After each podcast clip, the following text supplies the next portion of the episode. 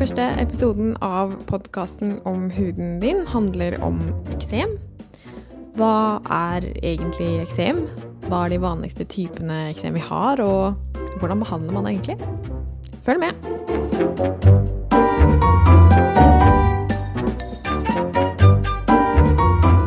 Hei og hjertelig velkommen til denne aller første episoden av podkasten om huden din.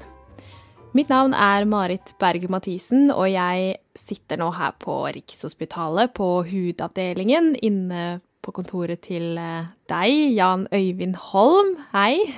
Hei, hyggelig å møte deg. Hei, hei. Um, kan ikke du introdusere deg selv, eh, Jan Øyvind? Jeg er 63 år gammel. Jeg har jobbet eh, på hudavdeling siden 1986. Eh, jobber som overlege eh, til vanlig. Og så har jeg i tillegg en eh, stilling som førsteamanuensis med eh, f.eks. undervisning av eh, medisinstudenter og eh, forskningsprosjekter. Eh, vi kan jo nevne at du er jo min veileder på Skal være under den podkasten her. Eh, jeg kom jo til deg bare for noen uker siden med den ideen at eh, jeg har lyst til å lage podkast. Og så var du jo veldig positiv, og det syns jeg var veldig hyggelig. Har du, har du vært med å lage et podkast før? Nei da, jeg har eh, ikke vært med på det tidligere. Jeg syns jo dette er veldig forfriskende. Dette er fremtiden. Jeg ser jo det overalt hvor jeg ferdes, at folk eh, går og lytter til eh, ulike emner. Og dette er selvfølgelig en viktig medisinformidling som eh, helt klart er fremtiden. Men vi skal jo i dag begi oss ut på et ganske omfattende tema. Eh, Eksem. Kan ikke du innledningsvis si litt hva, hva er egentlig eksem? Eksem er ingen lett start på denne podkasten. Det er eh, helt sikkert. Eh, så jeg håper at jeg kan få frem noen eh, viktige punkter. Eksem er en betennelse i huden. Eh, uttrykket eksem er direkte oversatt fra gresk til å koke. Så vi snakker altså om tilstander hvor huden koker. Um, så det er altså en irritasjon, det som på fagspråket kalles for inflammasjon, altså betennelse, som er eh, fellesnevneren for alle eksemsykdommer. Og så finnes det en rekke uh, ulike eksemer. Så fagfeltet eksem er på sett og vis litt vanskelig å avgrense, for det har både med miljø å gjøre. Og når huden blir veldig tørr, så blir den rød, og den blir kløende. Kløe er jo kanskje det viktigste symptomet ved eksem. At man får en kløe som plager en. Og så er jo da spørsmålet om når er det veldig tørr hud, og nå er det eksem? Jeg husker jeg, eller jeg så nå i den lille blå pensumboken vår fra hudsemesteret, som jeg hadde i fjor, så står det at eksem står jo for en tredel av alle hudsykdommene. Så det sier jo litt Ja. om at det er jo Det er et bredt tema, da. Ja, det er et veldig bredt tema, og det er klart at en hudleges hverdag er eh, mye eksem. Eh, og så har vi eh, andre typer betennelser som psoriasis, vi har hudkreft, vi har sår. Men eksem er eh, på en måte um, hudlegens domene. Og det har med eh, anlegg og sårbarhet å gjøre. Er det en gruppe mennesker dere ser er spesielt utsatt for å få eksem? Med en spesiell hudtype? Ja, altså den tyngste pasientgruppen vår er nok de med invalidiserende atopisk eksem. Det er den tyngste pasientgruppen. Men det er klart at vi som jobber på sykehus, vi ser jo de sykeste av de syke. Eh, heldigvis eh, så er det sånn at de fleste eksemsykdommer er lette. På den måten at eh, det er noe som de fleste kan få god hjelp til ved å kontakte sin vanlige lege. Så, sånn sett så blir jo mitt bilde av faget litt eh, annerledes, fordi eh, vi har kun de som er rett og slett ekstremt syke, og som trenger helt spesiell behandling ofte. Ja. Er det noen eh, steder på kroppen som er spesielt utsatt for å få eksem? Er det liksom noen steder som går igjen? Ja, da er vi jo inne på eh, dette med inndeling av eksem i ulike typer. Eh, hvis vi skal ta den vanligste eksemtypen atopisk eksem, som de aller fleste har et forhold til, enten selv eller noen i familien som har det, eh, slektninger, så er jo det en sykdom som er eh, veldig rar på den måten at den skifter eh, på en måte beliggenhet avhengig av alder. Hos de som er eh, aller minst, ett år gamle, inntil ett års alder, så setter f.eks. For, for å ta atopikkesjem, eh, så setter det seg gjerne på kinnene. Og så eh, vokser barnet til og kommer i førskolealder. Da flytter eksemet seg til, til, eh, til um, albuebøyninger, knehaser, nakkehals. Og så blir man voksen, og da kan eksemet flytte seg videre til f.eks. øyelokk eller hender. Så et eksem hos samme person det kan ofte skifte eh, lokalitet, som vi sier, altså hvor det sitter på kroppen, gjennom eh, ulike livsfaser. Uh, ja, du nevnte nå atopisk eksem. For jeg leste et sted at uh, det er så mye som kanskje én av fem nordiske barn som får det på et tidspunkt. Er det riktig? At det er så mange? Ja, det er helt riktig. Og det er jo ingen tvil om at atopisk eksem det øker i forekomst. Um, men ikke bare det, men atopisk eksem, det kalte jo vi i gamle dager for barneeksem.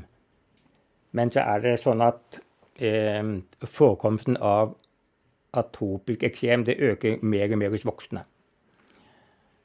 Eh, sånn at eh, man har på en måte måttet arbeide seg litt vekk fra å uttrykke barneeksem til å bruke atopisk eksem, fordi det er så mange voksne som får det, og man kan faktisk få atopisk eksem i høy voksen alder. Har det noe med hygienen vår å gjøre? Har vi blitt eh, litt for renslige, eller? Ja, det er én eh, av eh, mange teorier. Eh, det er antagelig flere ting som virker sammen. Eh, det er eh, veldig påfallende at atopisk eksem øker i land med god velstand. Det er på mange måter blitt en velstandssykdom. Eh, og så kan man da spørre hvorfor det. Er det fordi at eh, det er eh, endrede gener? Eh, er det livsstil? Er det hygiene? Eh, men det er klart eh, Vi er jo veldig opptatt av når det gjelder eksem, egentlig, at man kanskje i dag lever litt for sterilt, fordi vi har et veldig aktivt immunapparat i huden vår som hele tiden må jobbe med noe. Ledegang er roten til alt vondt. Hvis immunapparatet ikke har noe å gjøre, så vil immunapparatet angripe eget vev. Eh, og eh, denne såkalte hygienehypotesen, den forklarer jo da overdreven hygiene og renslighet som en, som en delforklaring til eh, ekstremhyppigheten. Og det som også er litt sånn illustrerende, er jo at eh, i foreldre som får barn med eksem, så er det som regel førstefødte som får eksemet.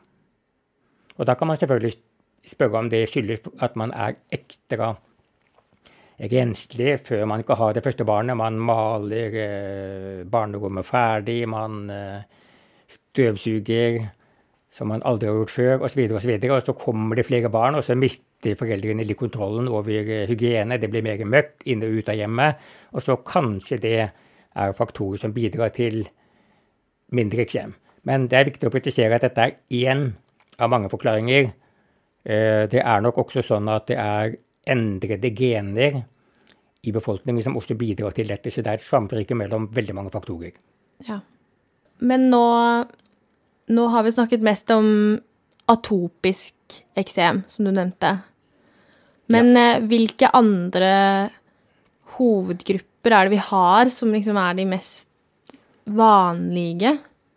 Ja, Da vil jeg kanskje trekke frem to typer. Det ene er eh, flasseksem, som på fagspråket kalles for seboreisk eksem. Seboré betyr fet hud.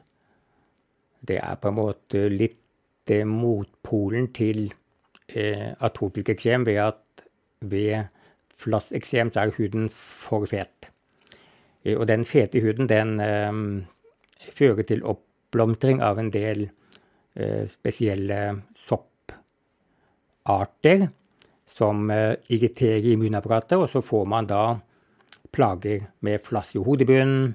Typisk er jo rødhet og kløe eh, ved neseroten, mellom øyenbrynene osv. Og, og så har vi uttrykket håndeksem, som egentlig bare sier at man har eksem på hendene uansett årsak. Eh, eh, håndeksem er jo faktisk den eh, eh hyppigste yrkesmiljøsykdommen ved at hendene er vårt arbeidsredskap. Og veldig mange pasienter utvikler eksem på hendene fordi de er i for mye kontakt med skadelige kjemikalier. Ja, for da har du det på, med forskjell på irritativt eksem. Ja. Som gjerne folk som vasker seg mye på hendene Helt riktig. Og så videre og så videre får. Ja. Og så har du de som er allergiske. Det er jo også to forskjellige typer igjen. Det er helt riktig. Så hvis man har et eksem hvis man har da et eksem på hendene, så er det på en måte For å gjøre det litt um, tydelig eh, to årsaker. Det er som du sier, at det er et irritasjonseksem pga. overdreven eh, kontakt med kjemikalier som avfetter fetthuden, og som ødelegger cellene ytterst i huden vår. Det er det såkalte irritative eksemet at hvis jeg legger hendene mine i kolorien hver dag i eh, fem minutter, så vil jeg til slutt få eksem på begge hendene. Alle skjønner det. Men så har vi også en eksemtype som kalles for kontaktallergisk eksem. Det er at man tar på eh, stoffer, og det kan være nok med noen få molekyler av ett spesielt kjemikalium som fører til at huden reagerer allergisk mot det stoffet. Alle vet jo hva nikkelallergi er for noe. Man får eksem eh, på øreflippen av å bruke uekte metaller. Men de har også eh, bruk av mange kjemikalier i industrien, i eh, kremer, seper osv. som enkelte utvikler en allergi mot. Og da snakker vi om et allergisk eksem. Da blir man i teorien frisk ved å fjerne seg fra det stoffet unngå å komme i kontakt med det, og så skal da eksemet bli borte. Men eh, hvis vi skal snakke om, litt om hvordan vi behandler eksem Ja. Er det noen trinn vi kan følge? Ja, da har vi en slags sånn trappekurve som vi bruker. Første trinn, det er Ingen pasienter er like. Alle pasienter med eksemplager har sine triggere som forverrer eksemet. Det kan være at man får eksem i ansiktet av å gå på skitur i eh, minus 10-12 grader. Det kan være at eh, lille Albert får eksem av å bade i klobasseng. Eh, det kan være at man får eksem av å ikke eh, unne seg nok søvn. Eh, det kan være eksem i forbindelse med stress, psykisk stress. Så her må hver pasient finne på en måte sin egen sårbarhet og definere den. Og det er jo noe som pasienten selv ofte vet bedre enn legen. Ja, så man, man, må finne det man må unngå, da? Man må finne det man må unngå, rett og slett. Og så går man videre til neste punkt, da, hvis det å, det å fjerne det som irriterer, eller det du er allergisk mot, da. Hvis det ikke hjelper, så skal du vel gjerne også Ja. Da er man inne på fase to, på en måte, og da er det å tilføre huden fuktighet. All eksem eh, gir tørr hud. Selv eh, Og det er vanskelig å forstå, men selv eksem ved flasshudproblematikk, altså seborrhuk-eksem, eh, så blir huden tørr av eksemet. Så eh, eksem kan behandles med fuktighetskrem. Det er det viktigste. Eh, og da vil eh, eh, legen gjerne ha gode forslag på ulike typer eh, kremer, eventuelt salver. Der må man ta hensyn til alder. Eh, man må ta hensyn til hvor klissete det er. Man må ta hensyn til hvor mye konserveringsmidlene svir osv. Så, videre.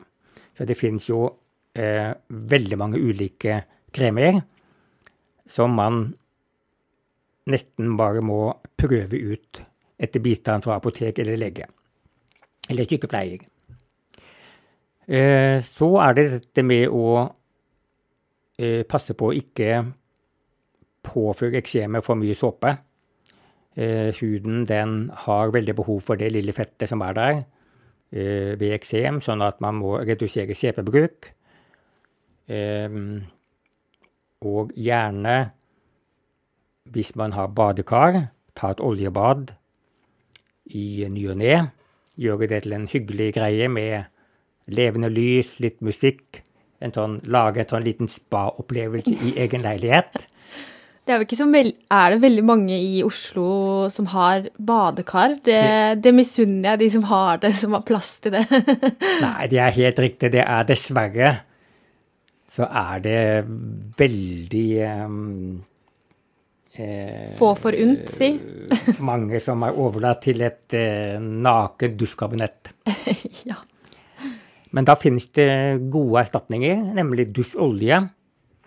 Eh, og det er jo et prinsipp at man da rett og slett vasker seg med et oljestoff som blander seg med vann, sånn at man får rengjort huden på den måten. Da tilfører man huden fett, samtidig som man blir ren. Så, eh, og det fins eh, håndvaskoljer. Eh, det er etter hvert kommet flere merker der også. Så det å så, så, trinn to blir på en måte dette med å prøve å smøre seg og redusere bruken av sterke sepper. Men skal man alltid ta kontakt med lege før man begynner med sånne Går på apoteket og kjøper seg forskjellige produkter man skal begynne å smøre seg med, eller er det noe man kan finne ut av selv? Veldig ofte så kan man eh, finne ut eh, mye selv, og det er veldig mye god kunnskap på apoteket. Har du, har du et par kremer som du eh, Har dere lov til å si noe produkter dere foretrekker, eller er det liksom Jo da, vi eh, får jo vi får spørsmål fra pasienter. Så eh, selv jeg, som er gammel i dette gamet, har jo mistet helt oversikten over antall kremer som finnes. Eh, men vi som jobber med hud, vi er kanskje litt gammeldagse. På den måten at vi trenger ikke alle disse voldsomme, sammensatte produktene med 30 ingredienser. Eh, så vi, de fleste av oss iallfall, sverger til eh, gode, enkle løsninger med eh, tydelig innhold, f.eks. Apobase-serien, uten at jeg har noe eierskap i den. Men Apobase er utmerket. Den får du både som rød fet, du får som blå litt lettere.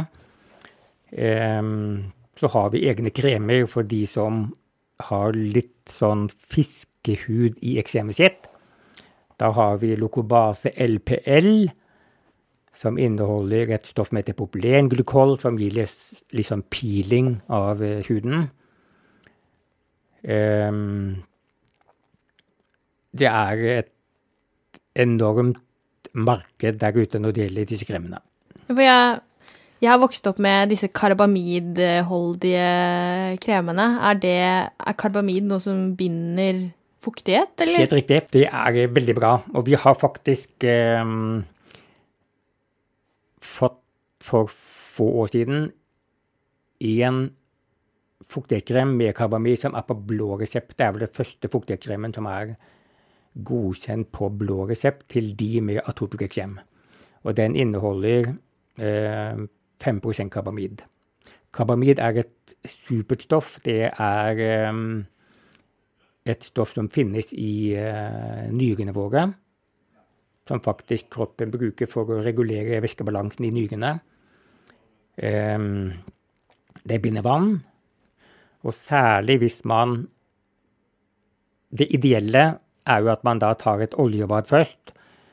Eh, eller en oljedusj, men helst oljebad. Ligger i badekaret 10-15 minutter. Står opp, froterer seg forsiktig uten å gni huden. Og så smøre seg med karbamidkrem. Etterpå så får man en helt fantastisk effekt av smøringen. For krem er ofte Hvis man smører seg på tørr hud, så er krem kan være litt tungt å dra over huden. Det er liksom fysisk slitsomt. Fordi det er mye friksjon i smøringen. Hvis man har gjort huden glatt og litt oljet på forhånd ved å ta et bad, så går smøringen som en lek. Ja. Jeg bare husker eh, eh, Da jeg var liten, så skulle jeg ta sånn Jeg brukte hva den heter, ikke karbamidkrem, men eh, ka, Karbaderm? Karbaderm.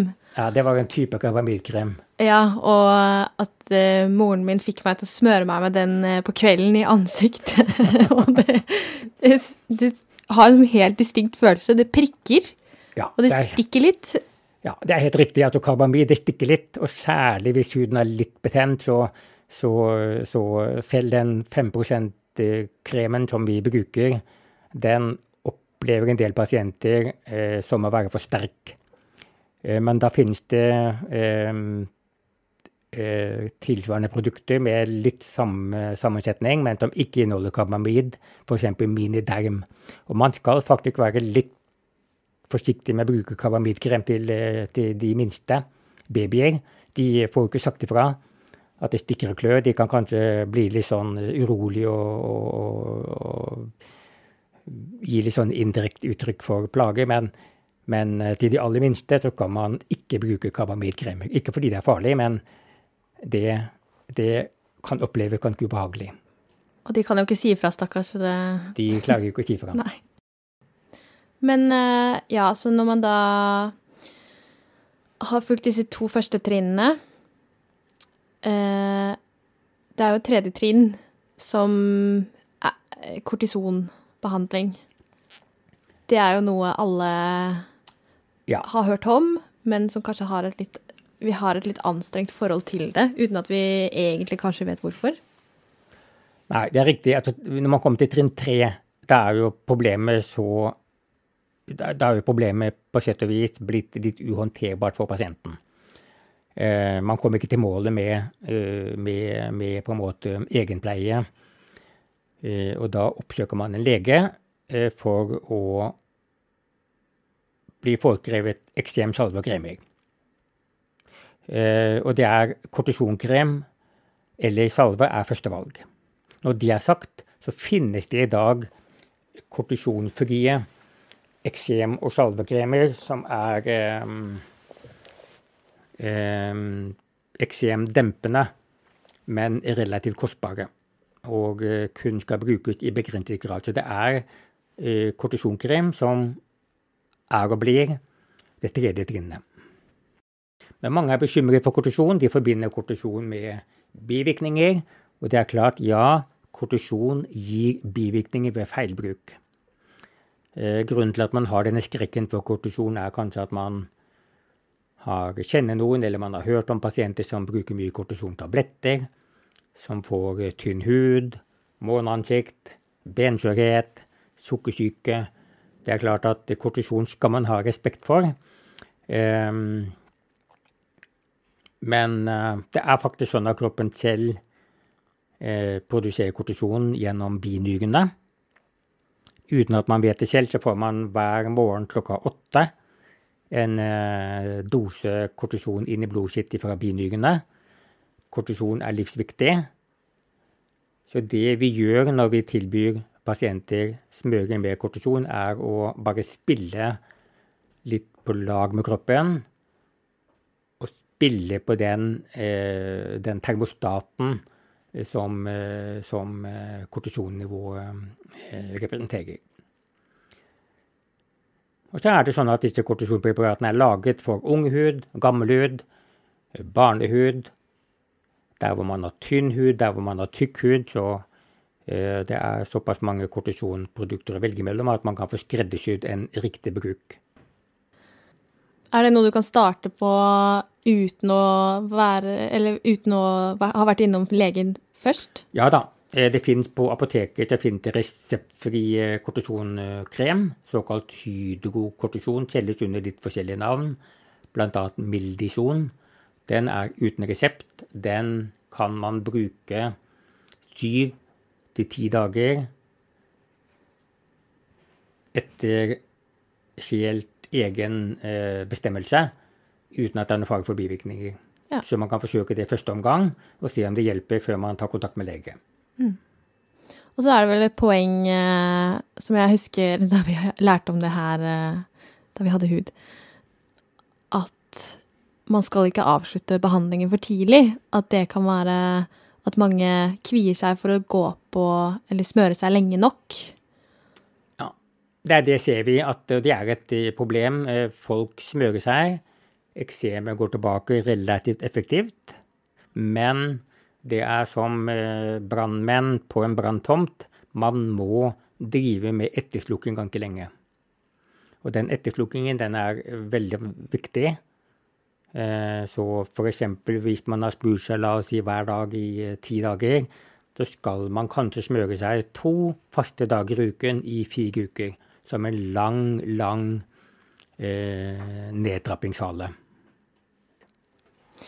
Men eh, nå ser jeg at tiden renner litt fra oss her. Jeg lovte deg at du skulle være ferdig til klokken eh, to, for du skal hjem til eh, hunden din. Jeg har fått meg valp. ja. det er nå engang sånn at man eh, har også en fritid. Ja. Og jeg har en liten valp som ikke skal være hjemme altfor lenge de første månedene, så eh, da må far stille opp. Du og resten av Norge har gått i innkjøp av valp. Eh, fikk du før eller etter korona? Jeg kjøpte faktisk valpen hakket før eh, det ble korona. Ja, Så du er på en måte unnskyldt at du, du var ikke en av alle som eh, Absolutt ikke. Men det var et nødskrik at vi på en måte fikk den valpen inn, for jeg måtte kjøpe henne fra utlandet. Hun har vokst opp i London. Oi, oi, oi. Um, så vi måtte vente til hun var 15 måneder før vi kunne hente henne. Eh, og da var det faktisk bare et par måneder før koronaen kom. Ja, Men da er hun jo ikke valp lenger? Jo da. En hund er valp til eh, andre leveår. ja, så du Ja, OK. Hun er iallfall valpete. Hun er valpete. og da er hun valp, ja. ja. Men veldig hyggelig at du var med i dag. Tusen hjertelig takk. Bare hyggelig.